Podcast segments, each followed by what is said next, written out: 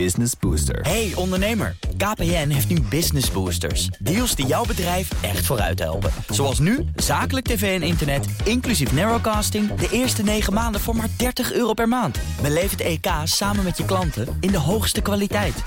Kijk op kpn.com slash businessbooster. Business Booster.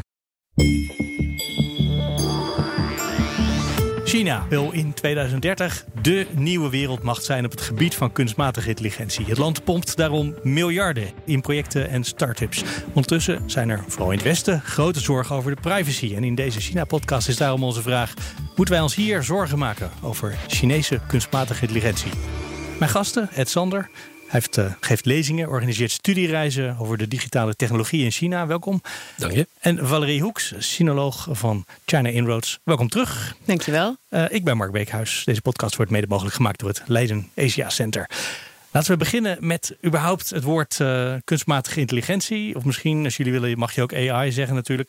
Bedoelen we daar in Nederland hetzelfde mee als in China? Um, ja, voor zover ik weet is er uh, niet een, een, andere definitie van uh, AI, artificial intelligence in China, dan dat we hier hebben. Het is in principe het inzetten van uh, hardware en software, computers, om op basis van grote hoeveelheden data daar patronen in te herkennen en voorspellingen te kunnen maken, eigenlijk net zoals het menselijk brein eigenlijk doet. Ik las in een rapport van de WRR hier uit Nederland, dat zijn als computers dingen doen waar mensen intelligentie voor nodig zouden hebben. Ja, inderdaad. Dat ja. is hem, hè? Ja, ja. en nou, dan moet je er wel bij zeggen dat het vaak het, het, leren van patronen is. Dus uh, er zijn uh, nog heel veel dingen die uh, artificial intelligence natuurlijk niet kunnen doen. Um, met name cognitieve zaken en dergelijke. Dus, maar ik zie, ik zie geen verschil in, in de definitie. Wel in de manier waarop het geaccepteerd wordt in China en Nederland. Hoe ze erover denken, hoe ze het toepassen. Wat jij zegt is de, hè, de, de toepassing is natuurlijk wel anders. Ik denk ook dat als we even kijken globaal naar Europa, Amerika en China. China heeft gewoon te kampen met andere type problemen. en is vanuit die hoedanigheid ook bezig met uh, AI. Ze denken over hoe ze de wereld daar beter willen maken. En daar gebruiken ze kunstmatige intelligentie voor. Dat, ja, doen ja. wij dat hier eigenlijk ook? Is dat een, uh... Nee, dat doen wij natuurlijk ook wel. Maar China is natuurlijk uh, decennia lang uh, onze fabriek geweest. En daarmee waren ze heel erg afhankelijk van het Westen. En dat, die afhankelijkheid, dat is iets waar ze echt vanaf willen. En ik geloof dat dat ook een van de grote drivers is... achter de hele ja, de AI-ontwikkeling in China. Want wij laten onze chips daar maken. Maar nu ze zelf hun eigen chipindustrie van de grond proberen te krijgen, blijkt dat nog best lastig. Hè? Precies. Dat is heel ironisch. Maar uh, vroeger of later zullen ze het vast onder de knie krijgen. Hm. Nou wil Xi Jinping dat China een wereldmacht wordt op het gebied van kunstmatige intelligentie. Ik heb daar helemaal geen beeld bij wat dat is. Als je zegt wereldmacht op het gebied van leger, snap ik. Maar met kunstmatige intelligentie, hoe zou dat eruit zien? Ja, goede vraag. Um, ik denk dat het eigenlijk wel te vergelijken is met uh, bedrijven als Microsoft, die natuurlijk als eerste opkwamen, die, die heel erg uh, invloedrijk zijn geworden. Iedereen die gebruikt Windows en dergelijke. Dat uiteindelijk als je um, algoritmes en, en concepten met, met behulp van artificial intelligence, die je in alle sectoren kunt inzetten. Als je daar hele succesvolle concepten ontwikkelt en die zou je dan vervolgens ook nog eens een keer kunnen exporteren naar andere landen, dan is dat eigenlijk een soort een, een nieuwe revolutie, net zoals software en, en internet. Ja, en AI is ook een middel. Hè? Dus het gaat er niet om wat je ermee doet. Dus bijvoorbeeld autonome voertuigen is een van de, uh, van de stokpaardjes uh, van, de, van de Chinese ontwikkeling. En daarin zijn ze natuurlijk ook heel erg in strijd met, uh, ja, met, met Amerika om daarin de beste te worden. Maar dat is gewoon een strijd tussen verschillende bedrijven. Zo als objectieve buitenstaander, denk ik dan. Maar dat is iets anders nee, dan dat je een wereldmacht bent, zeg maar. Ja, maar je, moet, je moet je voorstellen, Xi Jinping heeft dat gezegd. Dat betekent dus dat zijn overheid alle bedrijven de kansen geeft om zich als dus zodanig te ontwikkelen. Um, en dat gebeurt niet alleen bij één bedrijf. Hè. Dus heel veel bedrijven, die, dat is überhaupt heel Chinees, hè, die springen in op die kans, want ze weten dat er overal subsidies te halen zijn. Um, en gaan dus op zeer grote schaal aan de slag met autonome voertuigen in welke vorm dan ook. Nou, uh, laat 90% falen, uh, die 10% is, is cruciaal. We hebben het beeld dat China ons ver vooruit loopt in de westerse media, is mijn gevoel. Klopt dat? Nou, wat ik ervan weet, maar ik ben uh, misschien kan Ed uh, wat technische input geven. Maar wat ik in ieder geval weet, is dat um, het op dit moment uh, is Amerika nog steeds leading. maar op het gebied van machine learning bijvoorbeeld is China ja, dominant. En dat heeft te maken met het feit dat er gewoon ongelooflijk veel data in China beschikbaar zijn. Want data heb je nodig hè, als voeding voor AI-ontwikkeling. Dus hoe meer data, hoe meer je kan leren van de data en hoe sneller je ontwikkeling gaat. En data is daar makkelijker te verkrijgen, want minder privacywetten. Ja, data is in eerste instantie het is eigendom van de overheid, hè, terwijl het hier eigendom van de consument is. Dus dat is ook een heel cruciaal verschil. Ja, uh, wie er op dit moment voorloper is, dat hangt heel erg af van wie je vraagt. En, en ook de voorspelling van wie het gaat zijn uh, binnen nu en, en tien jaar. Uh, Kai Fu Lee, um, voormalig um, directeur van, van Google in, in China, die heeft er laatst nog een, of een tijd geleden nog een, een interessant boek over geschreven. AI Superpowers. En die geeft een aantal factoren aan waar, waarop je kunt afmeten van wie gaat er de, de, de koploper zijn. Nou, een van die factoren is talent. Nou, Amerika heeft op dit moment nog groter talent dan, uh, dan China. Maar dat is een, een, factor die je waarschijnlijk relatief makkelijk kunt inhalen. Want er gaan natuurlijk heel erg veel Chinese studenten die gaan richting uh, Amerika om, om daar opgeleid te worden. Um, maar er gaan weinig, sorry dat je onderbreek, maar er gaan weinig uh, westerlingen richting China. Inderdaad. Om daar, dus dat is wel een probleem waar, waar China mee dealt. Het is gewoon niet zo'n ja. heel aantrekkelijke plek om Inderdaad, te zitten ja. voor veel mensen. Maar, maar het, het, het talent, zeg maar, het, het, het inhalen van de achterstand in talent is een van de factoren die relatief makkelijk op te lossen is. Door um, vacatures met goed betaalde plekken op ja, dat, dat een mooie dus plek in het land te organiseren. Dat, dat zie je dus gebeuren, dat er talent naar China wordt gehaald. Dat is niet altijd even interessant, maar het, het opleiden eigenlijk van mensen tot, uh, tot artificial intelligence engineers um, en, en in machine learning en deep learning, uh, dat kun je al laten doen. Uh, dus gaan heel erg veel studenten gaan er naar, naar Amerika toe. Een andere belangrijke Ik hoorde ook dat, dat twee derde ongeveer van de Chinese studenten die zo'n opleiding en dan nog wat ervaring hebben, dat die dan naar Amerika gaan om daar te werken. En dus verloren zijn voor de Chinese zaak. Ja, steeds ik minder. Ik, jou, ja? ik, heb juist het idee dat er steeds meer uh, Chinese studenten teruggaan naar China, omdat de kansen daar veel beter zijn. Um, je krijgt ook beter betaald je krijgt veel beter betaald daar. Ja. Dus een hele dus, bewuste keus. Maar ik onderbrak je. Een ander punt is uh, funding. Dat kan uh, private funding zijn, maar dat kan ook funding door de overheid zijn. Dus uh, wat Valerie al noemde, subsidies die er worden uitgegeven. dat is in, in China is dat vele malen groter dan, uh, dan in Amerika. Uh, ongeveer de helft van de investeringen in R&D en artificial intelligence... die worden in China gedaan. En wat Valerie ook al noemde is data. China heeft door de, de, ja, de enorme bevolking natuurlijk... en door het feit dat er heel veel apps en dergelijke worden gebruikt op de smartphone... heel veel data. Alleen data ligt nog wel een beetje... Um, tweezijdig, want enerzijds hebben ze dus heel in de diepte hebben ze heel erg veel data over consumenten, omdat je uh, een bedrijf als Alibaba die heeft zoveel verschillende apps en zoveel verschillende uh, zaken in hun platform zitten, dat je heel veel kunt achterhalen van wat de consument doet en wil. Um, maar de kwaliteit van de data is niet altijd uh, even betrouwbaar en het is tot een bepaalde hoogte is het ook beperkt, omdat het eigenlijk alleen maar over Chinezen gaat. En dat is de vraag die je daar dan vervolgens ook uit kunt stellen is hoe exporteerbaar is die AI dan straks? Als je bijvoorbeeld kijkt naar artificial... Waarom naar, niet? Want als, uh, de, nou, die patronen zullen toch... Nou, een voorbeeld is bijvoorbeeld waar, waar, China al heel erg ver in is, is, is facial recognition, gezichtsherkenning. Maar ze zijn daar met name heel erg ver in bij het herkennen van Hans-Chinezen. Gezichten van Hans-Chinezen. En veel minder in, uh, in buitenlandse gezichten. Dus in diversiteit in data uh, is Amerika, doordat het gewoon een veel meer gemengde samenleving is met, met, met allerlei achtergronden. En dus bijvoorbeeld bij gezichtsherkenning veel meer soorten gezichten. Ik denk dat het in die zin voor China helemaal geen urgente issue is op dit moment. Want hun hoofddoel is binnenlandse problemen oplossen. Hè. En facial recognition bij uitstek wordt gebruikt uh, voor controle door de overheid op de eigen bevolking. Uh, Beveiligheid. Veiligheid, ja. ja, ja. ja. Um, maar je zegt dat, maar het hoofddoel was toch voor 2030. En dat is al best wel snel, over ruim tien jaar om werelddominantie te hebben op die terreinen. Dus dan denk ik, dan willen ze het ook hier komen verkopen. Ja, maar dat hoeft niet per se uh, de eerste uh, driver te zijn. Ik denk dat onafhankelijkheid een van de belangrijkste drivers is. Uh, want ze zijn in die zin nog steeds heel erg afhankelijk van, van, van Amerika, van Europa. En daarin willen zij gewoon voor zichzelf kunnen zorgen. Lees ik het woord werelddominantie met misschien een beetje te veel de Amerikaanse bril. Terwijl ze eigenlijk bedoelen dat was eigenlijk als tegenovergestelde van afhankelijk van de rest van de wereld? Nou ja, ik denk dat we gewoon even stil moeten staan bij het feit dat, uh, uh, dat China gewoon een land nog steeds in ontwikkeling is. Hè? En de meeste van ons komen wellicht in de grote steden. Uh, en wat we daar zien is een, ehm, nou, een heel ontwikkelde omgeving. En dan denk je, god, ze zijn er toch al. Maar het hele achterland van China kampt echt met problemen. En het hele systeem, het sociale veiligheidssysteem bijvoorbeeld, is nog helemaal niet waterdicht. Dat, daar is nog ontzettend veel uh, voor nodig om dat helemaal uh, ja, um, van, een, van een leien dakje te laten gaan. En wat je dus gewoon ziet, is dat er heel veel criminelen nog steeds rondlopen.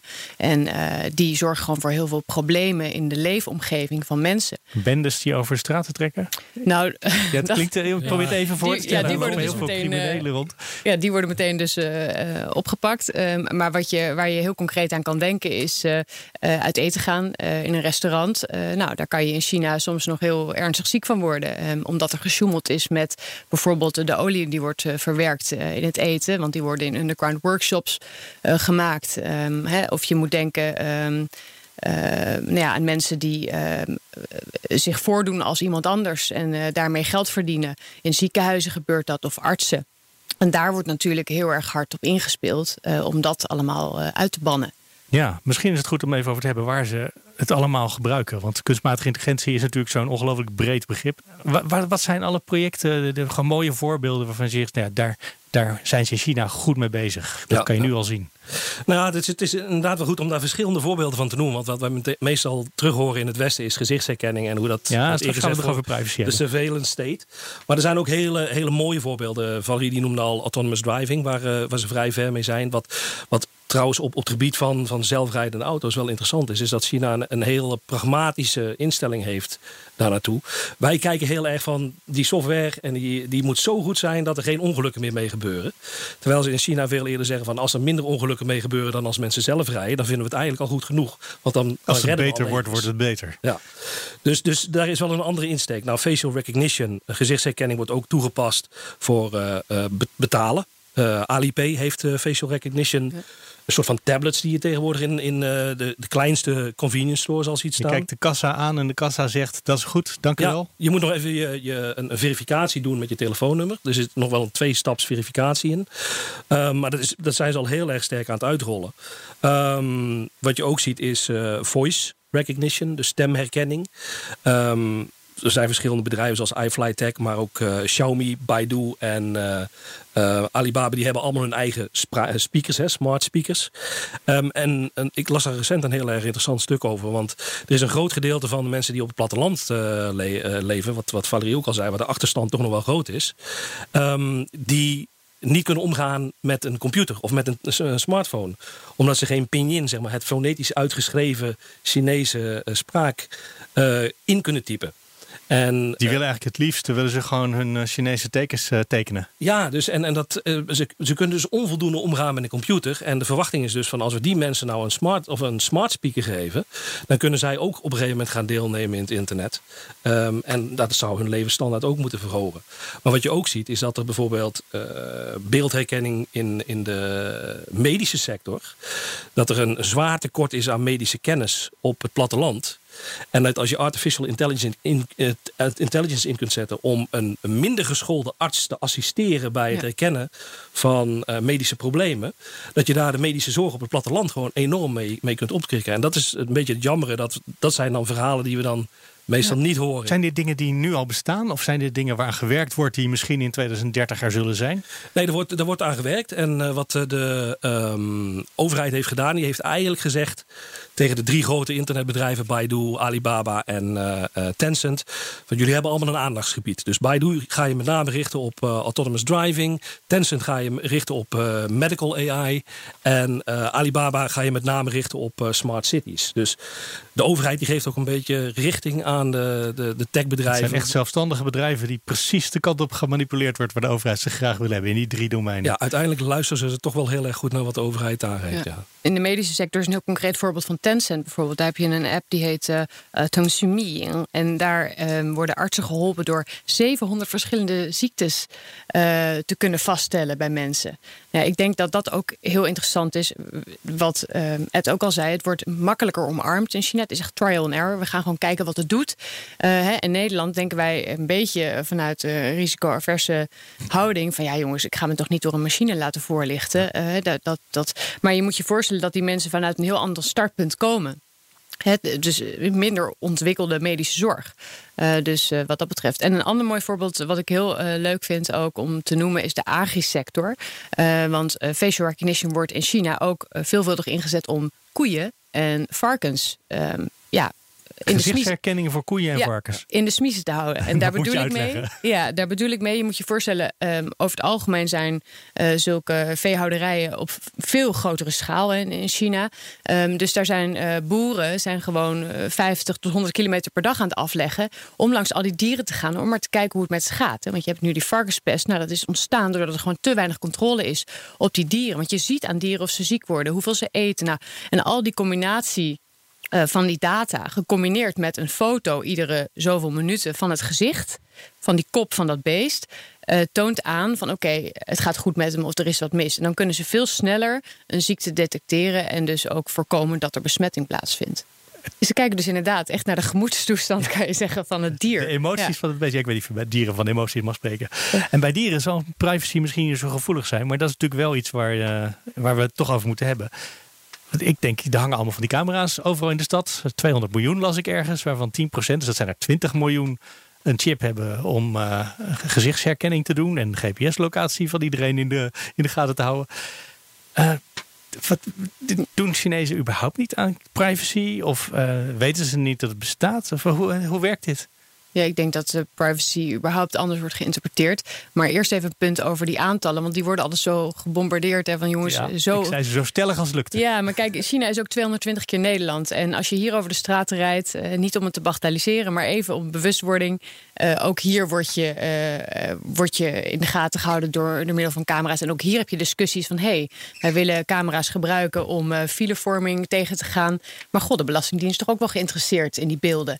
En dat is ook een discussie die continu plaatsvindt. Maar onze wet en regelgeving, omtrent privacy bijvoorbeeld, is dusdanig scherp dat je daar weinig, um, ja, weinig ruimte hebt voor. Uh, nou, ja. laten we zeggen voor... Uh, Om dat soort dingen te doen, zoals het volgen van uh, auto's op de snelweg. Bijvoorbeeld, ja. ja, ja. Terwijl die camera's er wel hangen. En in maar China, toch, als je zegt, dan... China is heel groot, maar dat is natuurlijk, dat, die camera's hangen niet op het platteland. Die hangen wel in de, weet ik veel, ook honderd grootste steden. Ja, hangt dat hele platteland ja, ook vol? Ja, ja ik, overal waar je loopt. Uh, en dan is het wel een soort verdunning. En weet je hoe de Chinezen dat zien? Die zeggen van, geef mij maar een veilige leefomgeving. Mij treft geen blaam, ik heb niks te verbergen. Ik ben een goede burger. En dat is ook al een heel ander startpunt. Wij zijn heel individualistisch. Wij hechten enorm aan onze privacy.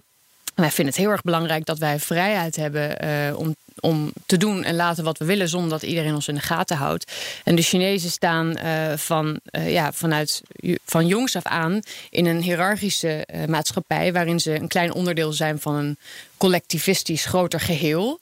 Uh, en het belang van de groep is daarin belangrijk. En jij hebt gewoon eigenlijk uh, de opdracht gekregen uh, van je docenten, vroeger van je ouders, om je te gedragen binnen een bepaalde sociale orde.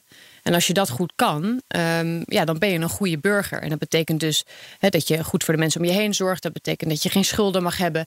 En mensen worden nog steeds niet geconfronteerd op welke wijze ook met de negatieve gevolgen. En ik chargeer natuurlijk hier, want er zijn altijd mensen die daar anders over denken. Maar het gros van de Chinezen ziet alleen maar de positieve gevolgen. Namelijk dat al die criminelen, 300.000 die los rondlopen, die worden gepakt. En hun wereld wordt daardoor veiliger. Is er helemaal geen kritiek? Nou ja, er zijn een, zijn een aantal dingen. Om, om nog even iets toe te voegen op wat Valerie zei. Uh, het is wel heel erg leuk als je kijkt naar het Chinese woord voor, uh, voor privacy. Dat is jinse. Um, en dat betekent in principe persoonlijke geheimen. Dus daar zit al iets in, iets heel negatiefs zit daar eigenlijk in. Um, er is zeker wel kritiek. Er is niet zo gek veel kritiek op uh, de data die de overheid verzamelt. Want uh, elke Chinees die heeft, uh, zelfs in een archief hebben ze een, een envelop. En mijn vrouw, mijn vrouw is Chinees, die heeft wel eens een keer een, een document daaruit moeten halen toen ze migreerde naar Nederland.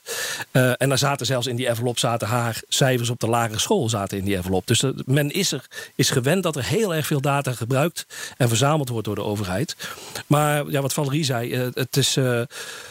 het doel heiligt de middelen daarin. Voor een betere, veilige leefomgeving. Het, is, het ligt anders als je kijkt naar de private internetbedrijven... als een Alibaba en een Tencent en een Baidu. Daar zie je juist dat uh, de consument steeds kritischer wordt... op wat er van hun verzameld wordt. Of hun data wordt doorverkocht. Wat er met hun data gebeurt. Um, maar dat, heeft, dat is, is meer op misbruik van hun gegevens. Want zodra je in, in China, als je een simkaart koopt... en je steekt die in je telefoon... dan binnen een half uur dan heb je al tien berichten gehad... van allerlei real estate bedrijven die je van alles willen verkopen. En je wordt continu gebeld door, eh, door allerlei telemarketingbedrijven. Dus er wordt heel erg veel verhandeld daar. En je ziet dat allerlei schandalen op het uh, gebied van datalekken en datamisbruik.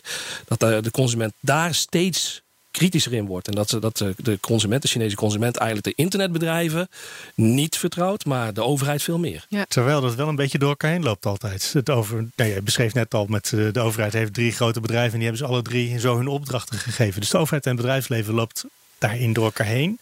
Maar voor de, voor de burger, schuinstreep consument, niet? Ja, nou kijk, uh, nogmaals, het, het, heeft te maken met waar worden die gegevens voor gebruikt. Hè?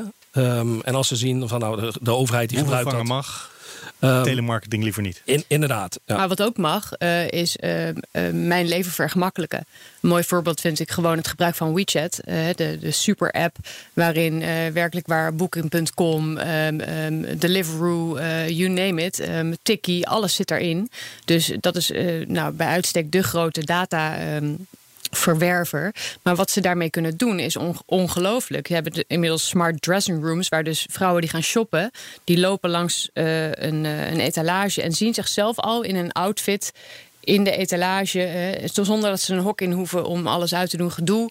Um, dus ze kunnen al helemaal op basis van hun figuur... en alles wordt doorgemeten. En dan kan dus dat apparaat op basis van je expressie op je gezicht kunnen zij dus bepalen van oké, nou je vindt het wat Volgende of je vindt keer het niks. gaan we iets anders aanraden. Ja, en dat is dus ook iets, hè, discount, korting. Loop jij daar over straat nee, langs nee. Je beschrijft het alsof je het ook een heel goed idee vindt. Nou, ik vind het vooral, um, ik vind het heel fascinerend om te zien hoe uh, consumenten uh, hier naar kijken in China. Hè. En dat is ook iets wat we ons continu moeten blijven realiseren. Zij komen vanuit een andere achtergrond en um, het zijn vaak mensen die pas recentelijk tot de middenklasse zijn um, doorgedrongen en opeens geld hebben om uh, nou, ook een beetje van het leven te genieten en leuke dingen te doen, waaronder shoppen. En uh, ja, als je dan met een uh, kortingsvoucher wordt gefetteerd, dan geef je maar al te graag wat extra data weg. Dat is trouwens hier in Nederland natuurlijk niet anders. En dat wou ik je eigenlijk net ook al voorleggen. Want er is hier natuurlijk in Nederland ook het standaard antwoord. Maar ik heb toch niks te verbergen? Dat is in Nederland ook. Dat blijkt erg op wat jij net voor China beschreef. Ja, vind ik toch anders. Ja, waar zit het verschil in? Nou, ik denk wat jij ook zegt, Ed, eh, de, de overheid, de positie of de, de rol van de overheid in China is echt een andere. Hè? Uh, je hebt een heel mooie uitspraak die heet uh, Aimin De, de overheidsofficials moeten zorgen voor hun onderdanen als voor hun kinderen. Dat geeft al zoveel aan. Vader, de overheid is, is je vader, is je familie. Zij weten wat goed voor jou is. Daar zit echt een. En natuurlijk, eh, nogmaals, ik chargeer weer, hè, want er zijn tegenwoordig steeds meer Chinezen die daar echt anders naar kijken, die ook in aanraking komen met onze invalshoeken van deze discussie. Maar het gros van de Chinezen ziet uh, de overheid in die rol. En dat betekent dat ze die overheid vertrouwen. Nou, ik geloof niet dat wij met z'n allen uh, hier op die manier naar onze overheid kijken. Wij hebben continu kritiek. En uh, vind het heel belangrijk dat we daarin onze eigen ja, bewegingsvrijheid hebben en niet getracked worden op welke manier dan ook. Ja. Dus die, uh, nou ja, ik hou toch maar even vol die 200 miljoen uh, camera's die daarop hangen. is daar discussie over in China? Want dat is vader die de hele tijd meekijkt. Nee, ik denk dat, dat het heel erg meevalt in de praktijk, wat, wat Valerie al zei. Want men ziet dat toch echt als het, het verbeteren van de veiligheid. Um, het is in, wat je ook al zei, het is ook zo dat niet in elke camera zit zo'n zo'n uh, gezichtsherkenningchip. Dus dat wordt in de westerse pers wordt ook vaak overdreven. Uh, er is een, uh, een, een, journalist van de New York Times, Paul Mozour. Die is heel interessant om te volgen, want die schrijft heel erg veel over hoe dingen gepresenteerd worden als het in China, hoe technologisch het allemaal zou moeten zijn en geavanceerd. En dat het in de praktijk heel erg meevalt. Zo zie je ook vaak van die berichten over politieagenten en die hebben een brilletje op en, en, en die kunnen dan iedereen herkennen. Maar ja, dat, dat werkt alleen als je recht voor ze staat op een bepaalde afstand. Dus het is allemaal een, stuk beperkter. Um, tegelijkertijd, uh, ik denk dat het, dat het in, in, in China dus heel erg meevalt. Maar tegelijkertijd denk ik dat, dat we er wel vanuit het Westen zo nu en dan kritisch naar moeten kijken. Zeker als je ziet wat er bijvoorbeeld in een provincie als Xinjiang gebeurt. Uh, ja, want beschrijf eens wat daar op het ogenblik gebeurt. Nou ja, in, in Xinjiang zitten naar schatting uh, tussen de miljoen en anderhalf miljoen Oeigoeren zitten er in, in, in opleidingskampen, heropvoedingskampen. Um, en die worden ook continu worden die gemonitord met allerlei gezichtsherkenningen. Dat hele deel van het land wordt gebruikt voor experimenten met ja, in het Westen zouden we zeggen privacy schendingen. Ja, ja. Gewoon mensen de, wel de hele dag trekken of ze nou willen of niet. Ja, dus dat, dat, dat zijn wel hele, hele enge dingen. Maar uh, nogmaals, wat wij, uh, er gebeuren ook goede dingen in het land. En er gebeuren hele akelige dingen. Um, ja, we moeten, we moeten een beetje de balans zien tussen, tussen, tussen wat er goed en slecht gaat. Kijk, het punt is uiteindelijk dat een technologie op zich is niet slecht. Het is hoe je hem gebruikt. En China gebruikt hem zowel op goede manieren als op minder goede manieren. Als zij, zou, als zij hier zouden doen, wat ze daar nu zouden doen, zouden we daar in Nederland heel lang over discussiëren? Zouden we dan zeggen, ja, inderdaad, dat is toch wel goed? Of zouden we hier dan zeggen, nee, dit moet je je mensen niet aandoen? Nou, ik, ik denk dat. Um, ik, geef ook vaak uh, lezingen op, uh, op uh, HBO's en universiteiten over het sociaal kredietsysteem. Um, en een van de vragen die ik ook vaak van studenten krijg: van moeten wij hier ook zo'n systeem hebben? En dan is mijn antwoord normaal gesproken: van nou, we hebben het hier helemaal niet nodig, want we hebben er geen behoefte aan. We hebben hele goede regulering. Consumenten worden door allerlei instanties worden goed beschermd. En, en dat is een fase die heeft China nog niet bereikt. Dus een, een hele hoop van dit soort toepassingen, ook in China, als, als je bijvoorbeeld hebt over het eh, sociaal kredietsysteem, die zijn hier überhaupt niet nodig, omdat wij al veel verder zijn in die ontwikkeling. Uh, China heeft op dit moment wat, wat sommige mensen een, een, morele crisis noemen, uh, omdat iedereen die probeert niet altijd op even nette manier rijk te worden, want ze weet van, nou, als, ik, als ik heel erg eerlijk ben, ik ben het, het braafste jongetje van de klas, dan doe ik, doe ik mezelf tekort, want iedereen om me heen. Als het hele land corrupt is, is het onhandig om zelf niet corrupt te zijn. Ja, ja. Dus, en daar zijn juist dat soort systemen voor nodig om, om mensen toch een beetje terug te duwen in, in het gareel en, en zich wat, uh, wat ethischer te laten gedragen. Nou, een mooi voorbeeld daarvan vind ik ook wel weer, want het is helemaal waar wat je zegt, dat, dat sommige nieuwsberichten uit zijn verband worden getrokken. En het hangt ook heel erg vanaf waar je je bevindt in China. Ik vind een heel mooi voorbeeld uh, in Hebei is een app. Laolai Ditu heet die. Dat betekent zoiets als uh, ja, uh, de map daarvan of de, de plattegrond daarvan. En binnen 500 meter radius kan je op je app zien wie er schulden heeft. Maar als die persoon er best wel goed uitziet en die heeft ook nog een Rolex om zijn arm, dan nou, mag je die persoon even rapporteren bij de lokale overheid. En ik heb dat ook voorgelegd aan een aantal Chinezen die uit de grotere steden komen. Van jongens, hoe kijken jullie daar dan tegenaan? En in gaan ze ook heel hard lachen nou, dat zou in de grote steden ook nooit meer kunnen. Dat gaat dus te ver voor die regio. Maar in een gebied in Gubei, ja, waar de economische standaard iets achterblijft op de, op de grote steden als Shanghai en Beijing, um, ja, daar heb je gewoon een andere discussie. Maar zijn ze zich, maken ze zich dan toch niet zorgen dat er nu een experiment met zoiets in uh, Xinjiang bijvoorbeeld gebeurt? En dat het daar heel goed blijkt te bevallen? En dat het over een tijdje, ja, nou ja, dan tot en met Peking aan toe. Dat zijn ze nu niet zo gewend, of in Shanghai, maar nou dat het daar wel komt. Ja. Ik denk dat de overheid uh, niet gek is. Uh, die kijkt ook heel goed van, oké, hoe, uh, hoe voegt dit waarde toe voor, ons, voor onze mensen binnen ons land? Maar if they push it too far, hè, dan krijg je ook sociale onrust. En dat is nou eenmaal de grootste, de grootste zorg van de lokale overheid. Dat zie je nu in Hongkong gebeuren. Nou, dat willen ze natuurlijk binnen hun eigen landsgrenzen al helemaal niet.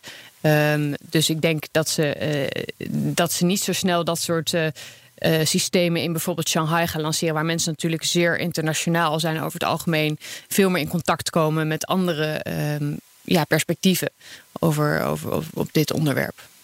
Ja, als ze het doen, kunnen ze het misschien maar heel langzaam die grens laten optrekken, denk ik dan. Nee, ik denk dat ze heel bewust kijken naar de verschillende regio's. Wat is waar nodig? En ja. uh, dus de toepassingen. Um, uh, en dan heb je het bijvoorbeeld over um, Iets heel anders wat ze doen met AI is bijvoorbeeld in de grote schalige uh, warehouses, waar nu nog um, heel veel handen nodig zijn om um, duizend één dozen te verplaatsen. Dat gaat nu steeds meer automatisch uh, middels AI. Nou, dat is daar nodig. Dat is in die, in die regio nodig. Ik noemde net de agri-sector. Uh, daar hebben ze toepassingen voor. In Gubbe is dit dus blijkbaar een dilemma. Nou, dan gaan ze daarmee aan de slag. Maar dat wil niet zeggen dat ze het één op één zomaar kunnen kopiëren naar andere regio's in China. Ja, want wat wij ons vaak niet beseffen is. Uh, kijk, China is natuurlijk altijd uh, de fabriek van de wereld geweest de laatste decennia. Maar de, de gemiddelde productiviteit in China is nog steeds heel erg laag. China is pas de laatste paar jaren begonnen met het, het zware investeren in uh, robotica. Um, en, en automatisering ook in productieprocessen. Um, en waar China op een gegeven moment ook tegenaan gaat uh, lopen, is het feit dat door de, de één-kindspolitiek de, de omvang van de beroepsbevolking gewoon sterk gaat afnemen. Dus um, zeker nogmaals, wat, wat Valerie ook zegt, uh, voor, de, voor de binnenlandse problematiek is, is artificial intelligence is gewoon een belangrijke oplossing. Want ze hebben straks niet, niet meer voldoende mensen om het werk nog allemaal aan te kunnen en om de vergrijzende bevolking te kunnen onderhouden. Even dacht ik dat ik moest gaan vragen nog, maar dat heb je al helemaal, helemaal, helemaal ondergraven. Nou, of ze zich geen zorgen maken over uh, verdwijnen van banen. Maar tegenovergestelde, ze hebben te veel werk, te weinig mensen. Nou, die zorgen zijn er overigens wel. Uh, maar dat uh, heeft meer te maken met dat on, ja, niet opgeleide mensen achterblijven. Hè. Dus de, de industrie beweegt zich voor, ontwikkelt zich verder. En de traditionele vakmanschappen die zijn soms niet meer nodig. Dus daar is wel degelijk zorg. daar gaan ook, ik weet de cijfers niet, maar er gaan echt miljoenen mensen raken werkloos. Dus er zijn heel veel uh, trainingen en herscholings. Uh, um, ja, mogelijkheden worden nu aangeboden om die mensen dus um, op nieuwe manieren in te zetten. Maar dat gaat ook niet over één nacht ijs. Nee. Ja. ja, en vanuit dat perspectief is dat boek van Kai Fu Lee, wat ik al eerder noemde, is ook wel heel erg interessant. Want die behandelt ook verschillende theorieën over wat er gaat gebeuren met het, uh, het, het banenverlies. En een van zijn theorieën, en ja, ik, ik, zou het heel mooi vinden als hij gelijk gaat krijgen. Is dat uh, de, dus het soort werk wat wij uh, doen. Dat zal uiteindelijk moeten gaan veranderen. Naar, naar uh, banen die veel meer te maken hebben met menselijke kenmerken. Die niet door AI geïmiteerd kunnen worden. Bijvoorbeeld compassie en, en, en liefde. En dus hij heeft het heel erg sterk over... er moeten veel meer mensen in de zorg en in de, in de kunst gaan werken. Dus mensen moeten uiteindelijk um, in de komende decennia... Uh, een, een, een, een ander doel krijgen in het leven dan wat ze, wat ze nu nog hebben. Dat is in ieder geval zijn visie.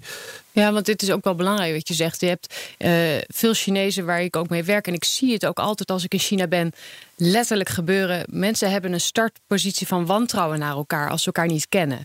En dat, dat zie je ook. Dat, dat voel je gewoon. Als je met Chinese mensen aan elkaar introduceert, eh, dan zijn ze eerst een beetje terughoudend. En uh, dan willen ze eerst maar eens eventjes kijken wat voor vlees ze in de kuip hebben, zeg maar. En wij hebben dat, wij kennen dat veel minder. Wij gaan um, zonder dat we enige vorm van relatie hebben of achtergrond, gaan we zakelijk bijvoorbeeld met elkaar in zee. En in China um, is het heel belangrijk dat je dus je guanxi relaties opbouwt. En vanuit daar uh, bouw je dus vertrouwen. Um, en dit is dus ook, komt weer terug op AI. AI helpt ook dus om dat wantrouwen weg te nemen. Hè? Want je weet op een gegeven moment dat iedereen een soort van gemonitord wordt. En dat de boeven er al niet meer zijn. Uh, en dan kom ik weer op het punt veiligheid. En dan Mooie is het cirkeltje rond. Ja, zo gaat ja. het. We hebben al heel even het sociaal kredietsysteem uh, aangestipt net. Uh, daar gaan we niet heel veel over zeggen vandaag. Verder meer. Tenzij jullie daar heel prangend iets over willen zeggen. Maar er komt binnenkort nog een hele aflevering speciaal alleen maar over het sociaal kredietsysteem. Mooi.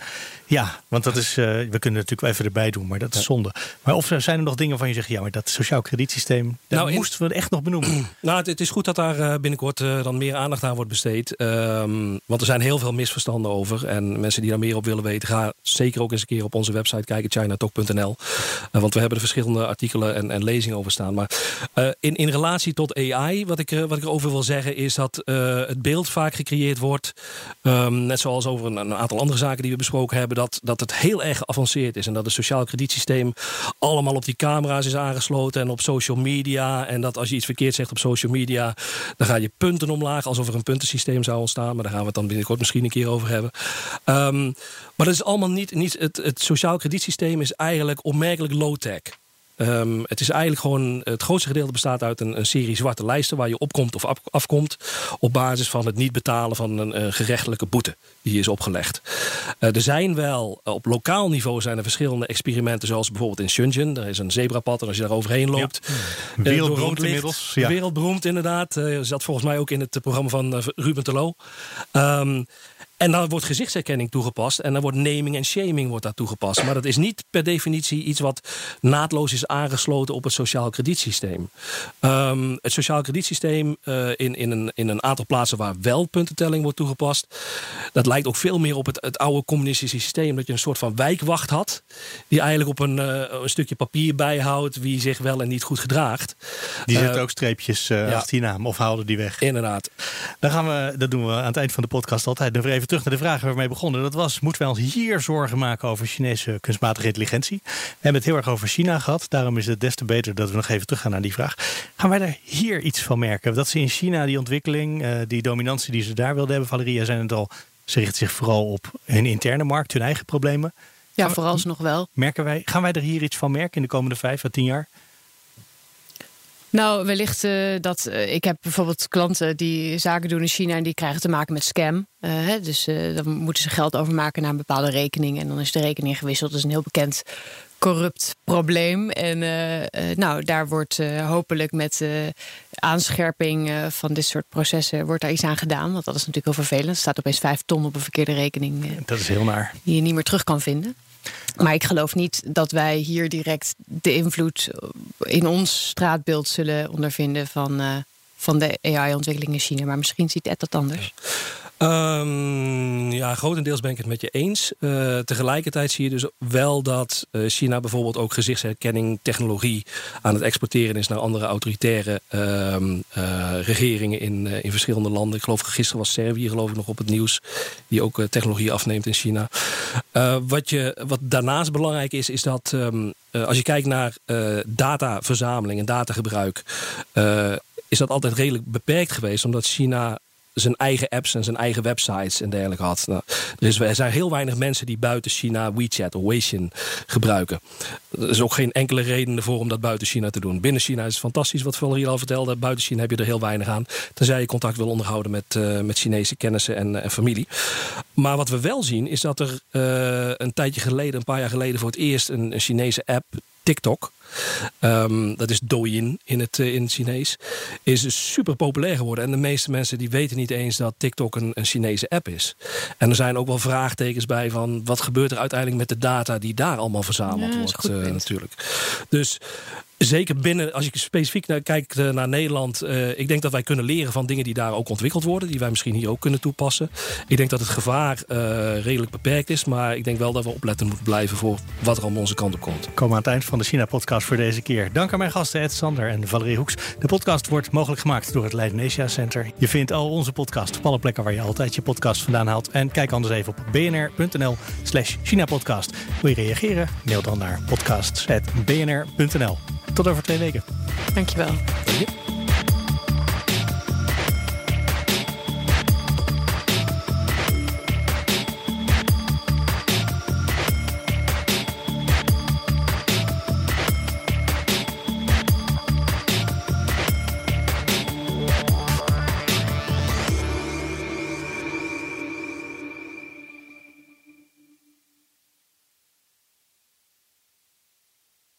Business Booster. Hey ondernemer, KPN heeft nu Business Boosters. Deals die jouw bedrijf echt vooruit helpen. Zoals nu, zakelijk tv en internet, inclusief narrowcasting... de eerste 9 maanden voor maar 30 euro per maand. Beleef het EK samen met je klanten in de hoogste kwaliteit.